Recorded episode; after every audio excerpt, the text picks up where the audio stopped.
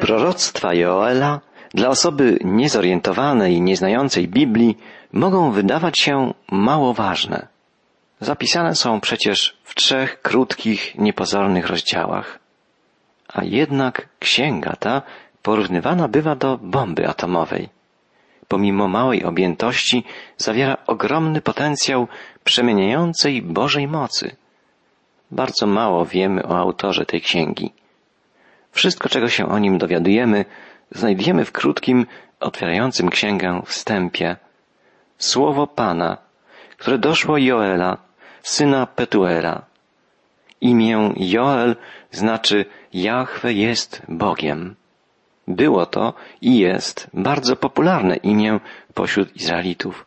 Na kartach Biblii znajdujemy to imię także w pierwszej księdze Samuela, gdzie czytamy A gdy się Samuel zestarzał, ustanowił swoich synów sędziami nad Izraelem. Jego pierworodnym był Joel. Niektórzy komentatorzy wnioskowali stąd, że prorok Joel mógł być tożsamy z synem Samuela. Wydaje się to jednak nieprawdopodobne, gdyż o synach Samuela, Joelu i młodszym Abiaszu tak czytamy dalej. Lecz synowie Samuela nie chodzili jego drogami. Gonili raczej za zyskiem. Brali datki i naginali prawo. Nie ma w księdze Joela informacji o czasie i miejscu działania proroka, ale przyjmuje się, że był on jednym z najwcześniejszych proroków judzkich. Wydaje się pewne, że żył on i prorokował w Jerozolimie lub jej okolicy, bo w swoich wypowiedziach odwołuje się często do domu pańskiego i do świętej góry Syjonu. Na przykład w dziewiątym wierszu pierwszego rozdziału czytamy Dom Pana pozbawiono ofiary z pokarmów i płynów. Żałobą okryci są kapłani, słudzy ołtarza. Rozdział drugi księgi otwierają słowa Zatrąbcie na rogu na Syjonie, krzyczcie na mojej świętej górze. W końcowej części proroctwa Joela czytamy i poznacie, że ja, Pan, jestem waszym Bogiem, który mieszkam na Syjonie, świętej mojej górze. Wówczas Jeruzalem będzie święte. I jeszcze raz w końcowych wierszach księgi czytamy o Jerozolimie. Juda będzie zamieszkana po wszystkie czasy, a Jeruzalem po wszystkie pokolenia. Proroctwo Joela związane jest bardzo mocno z Jerozolimą, z Judą. Wydaje się więc pewne, że prorok działał w Jerozolimie i jej okolicach. Na pewno w Królestwie Judzkim, południowym. Wydaje się też niemal pewne, że Joel żył i działał bardzo wcześnie, w początkowym okresie funkcjonowania Izraela jako kraju podzielonego na dwa królestwa, północne i południowe. Wskazuje na to innymi fakt, że Joel nie piętnuje jak inni prorocy bałwochwalstwa, które szczególnie w południowym judzkim królestwie stało się problemem w późniejszych latach. Niektórzy bibliści uważają nawet, że Joel mógł działać nawet w IX wieku przed naszą erą, zarządów judzkiego króla Joasza, około 830 roku przed Chrystusem. Znaczyłoby to, że Joel mógł znać proroków Eliasza i Elizeusza. Głównym tematem księgi Joela jest wieść o zbliżaniu się Dnia Pańskiego. W swojej krótkiej wypowiedzi prorok pięciokrotnie zapowiada nadejście Dnia Pana. Trzeba tu zauważyć, że wszyscy wielcy prorocy, Izajasz, Jeremiasz, Ezechiel, Daniel, także zapowiadali przyjście Dnia Pańskiego.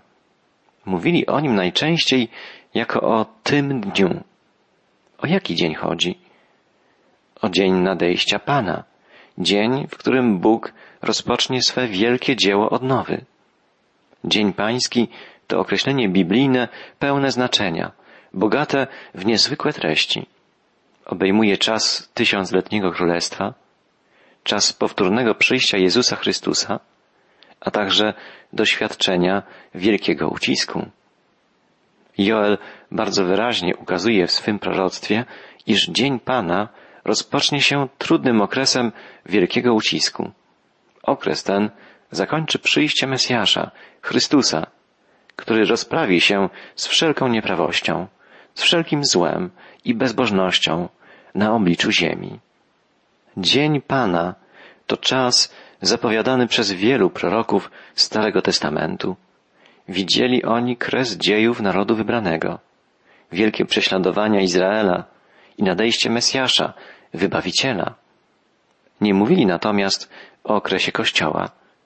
Nie ma w ich proroctwach zapowiedzi o życiu wielkiej wspólnoty wierzących, pochodzących spośród wielu narodów, ani zapowiedzi o pochwyceniu tej wspólnoty, zabraniu jej do nieba.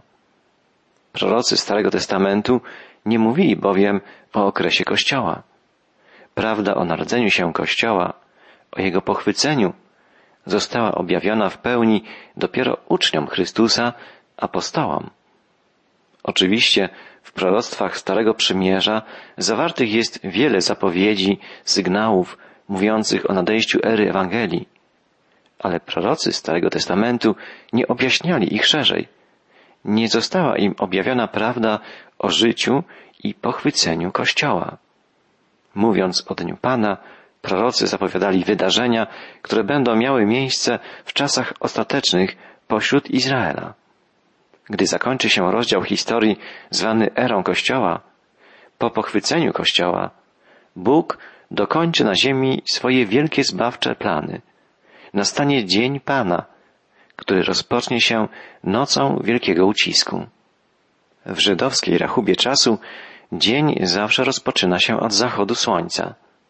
W księdze Genezis przy opisie dni stworzenia czytamy I nastał wieczór, i nastał poranek, dzień pierwszy. I nastał wieczór, i nastał poranek, dzień drugi. I tak dalej.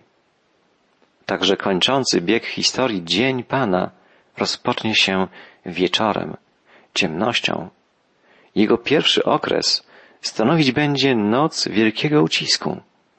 Zauważmy, że Jezus, rozmawiając ze swoimi uczniami na Górze Oliwnej, na ich pytanie odnośnie końca świata powiedział między innymi i będzie głoszona Ewangelia o Królestwie po całej ziemi, na świadectwo wszystkim narodom. I wtedy nadejdzie koniec.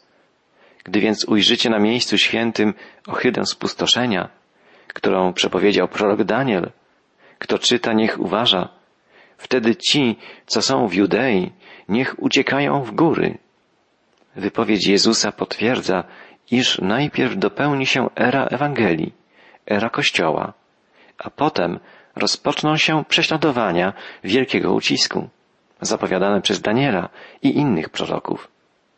Będzie to początek Dnia Pana, czasu, w którym Bóg dokończy swe dzieła pośród narodu wybranego Izraela. Relację pomiędzy erą Kościoła i czasem zwanym Dniem Pana naszkicował także w czasie spotkania przywódców wczesnego Kościoła w Jerozolimie apostoł Jakub. W jego wypowiedzi znalazły się między innymi następujące słowa. Mężowie, bracia, posłuchajcie mnie.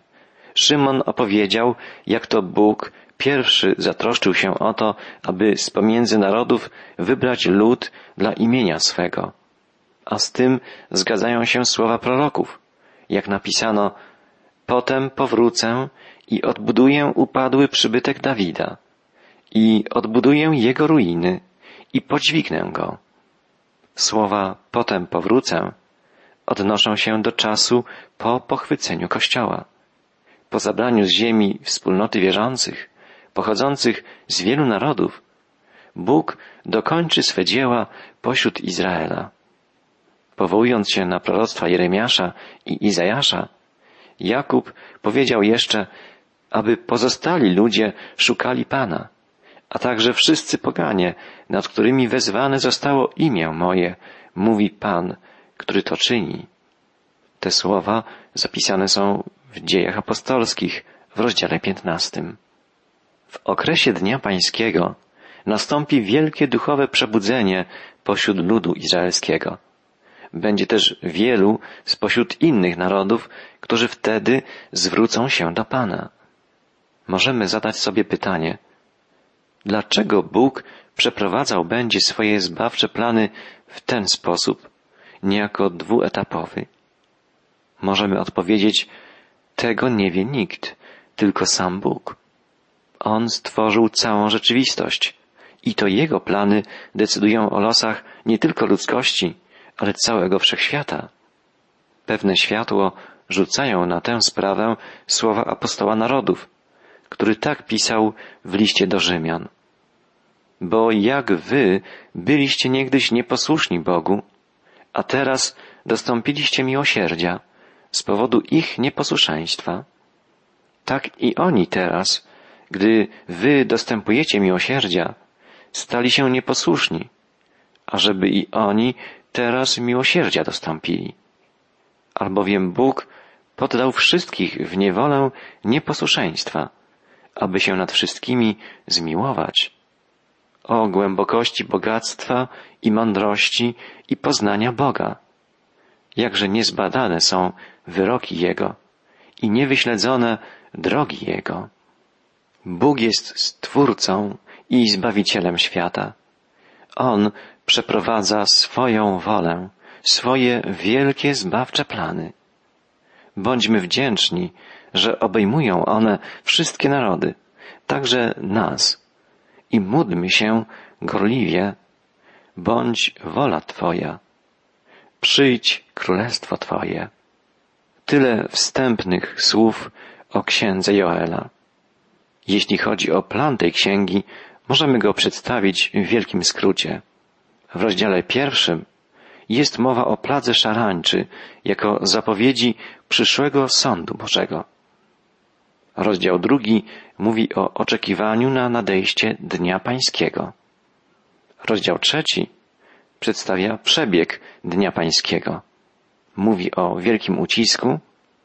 Znajduje się też tu zapowiedź wylania Ducha Świętego i obraz tysiącletniego królestwa. Po tych wstępnych informacjach o księdze Joela przejdźmy do bardziej szczegółowych studiów jej poselstwa. Przeczytajmy pierwszy wiersz księgi Joela. Słowo Pana, które skierował do Joela, syna Petuela. Ta krótka, wstępna informacja mówi nam jedynie o tym, że Joel został powołany na proroka przez żywego Boga. Pan przemówił do niego i Joel przekazuje nam słowo pańskie. Imię Joel znaczy Jahwe jest Bogiem i to Jego sługą, sługą Pana Izraela, Boga żywego, jest Joel, autor prorockiej księgi. Dalej w drugim wierszu czytamy Słuchajcie tego, starcy, i nakłoncie uszy, wszyscy mieszkańcy kraju. Czy stało się to za dni waszych lub za dni waszych przodków? Boży prorok rozpoczyna od wezwania. Słuchajcie, nakłońcie wasze uszy, starcy i wszyscy inni ludzie. I stawia pytanie, czy coś takiego jak dzisiaj wydarzyło się kiedykolwiek wcześniej, za waszych dni albo za dni waszych przodków? Prorok ma na myśli straszliwą plagę szarańczy, co wynika z dalszej treści jego poselstwa.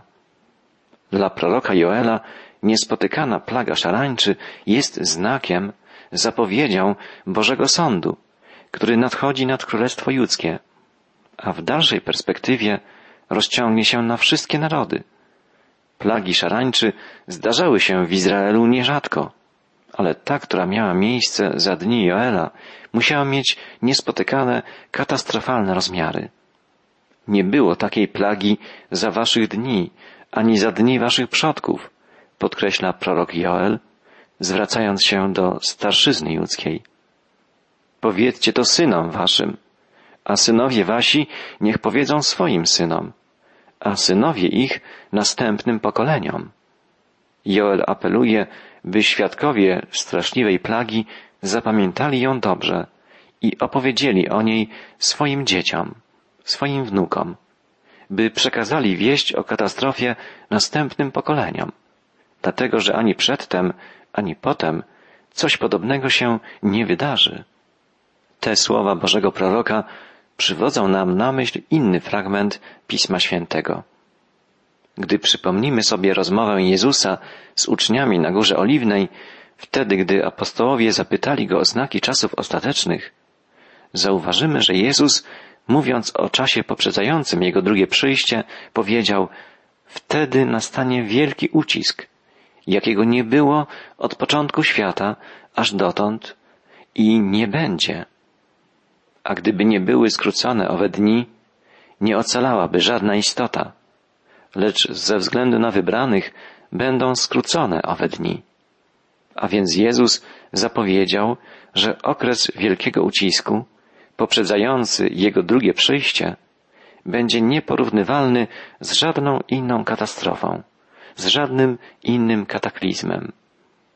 Nikt nie będzie mógł powiedzieć, pamiętam, że gdy byłem młody, wydarzyło się coś podobnego. Słowa proroka Joela są w jakimś stopniu alegoryczną zapowiedzią Bożego Sądu, który będzie miał miejsce w czasach ostatecznych.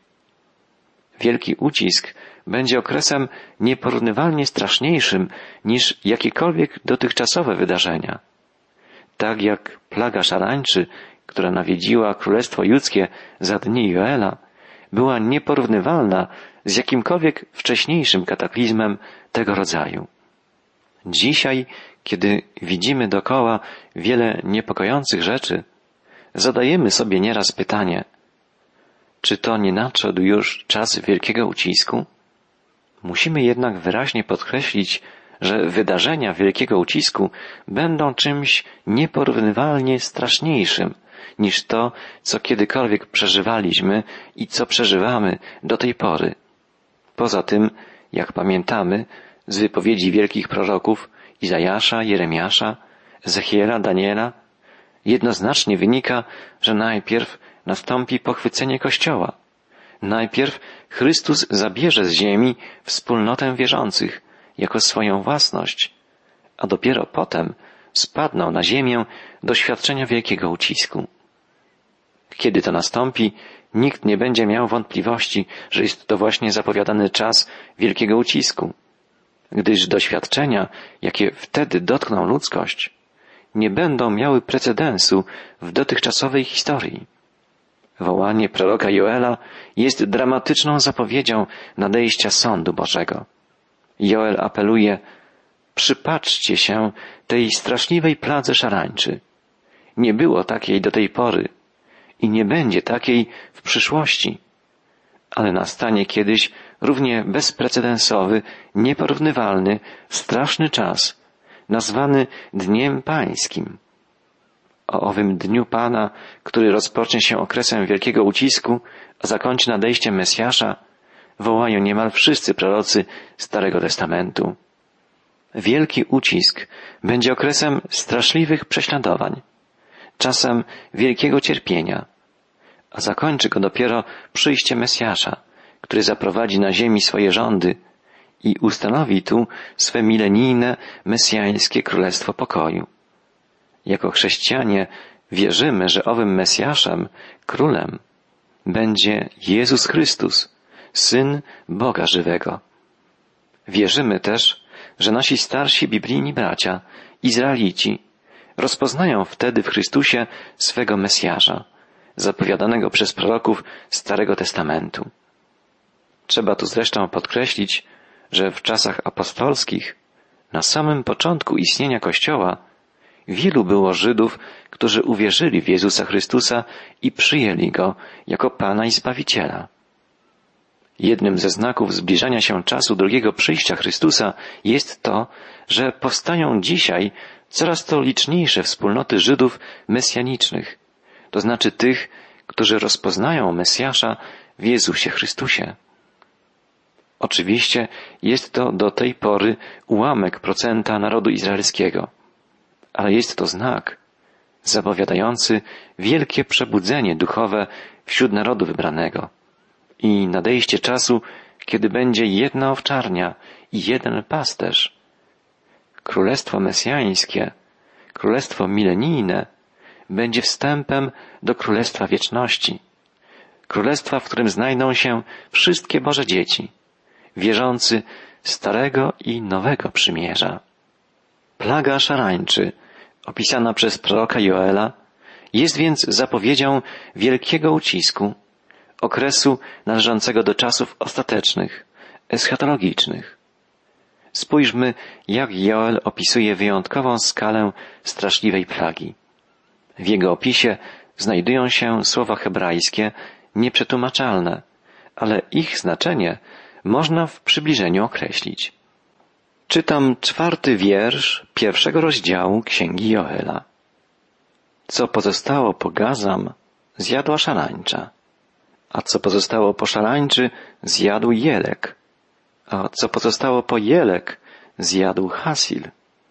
Gazam, Jelek, Hasil to najprawdopodobniej różne nazwy występujących na Bliskim Wschodzie gatunków szarańczy.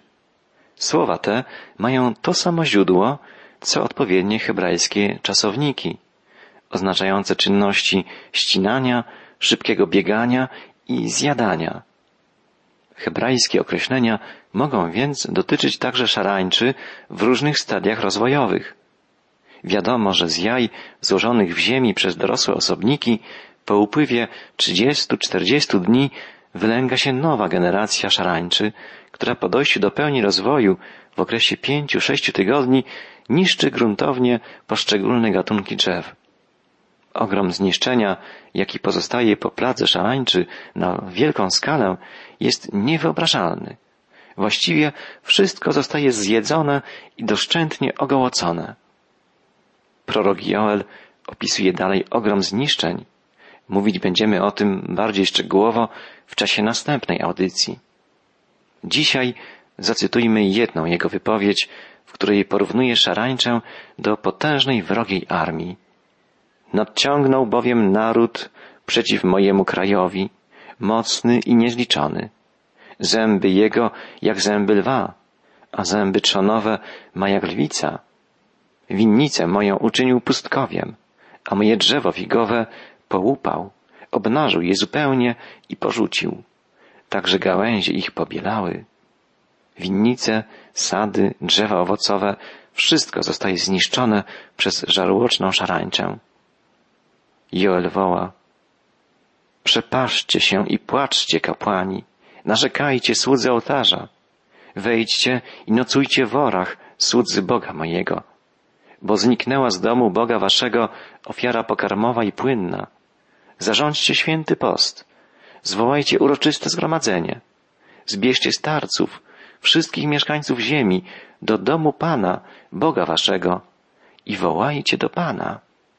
Jest to wezwanie do pokuty i modlitwy, wołanie o ratunek do Pana. Tylko On może odwrócić klęskę. Tylko On ma moc przywrócić życie.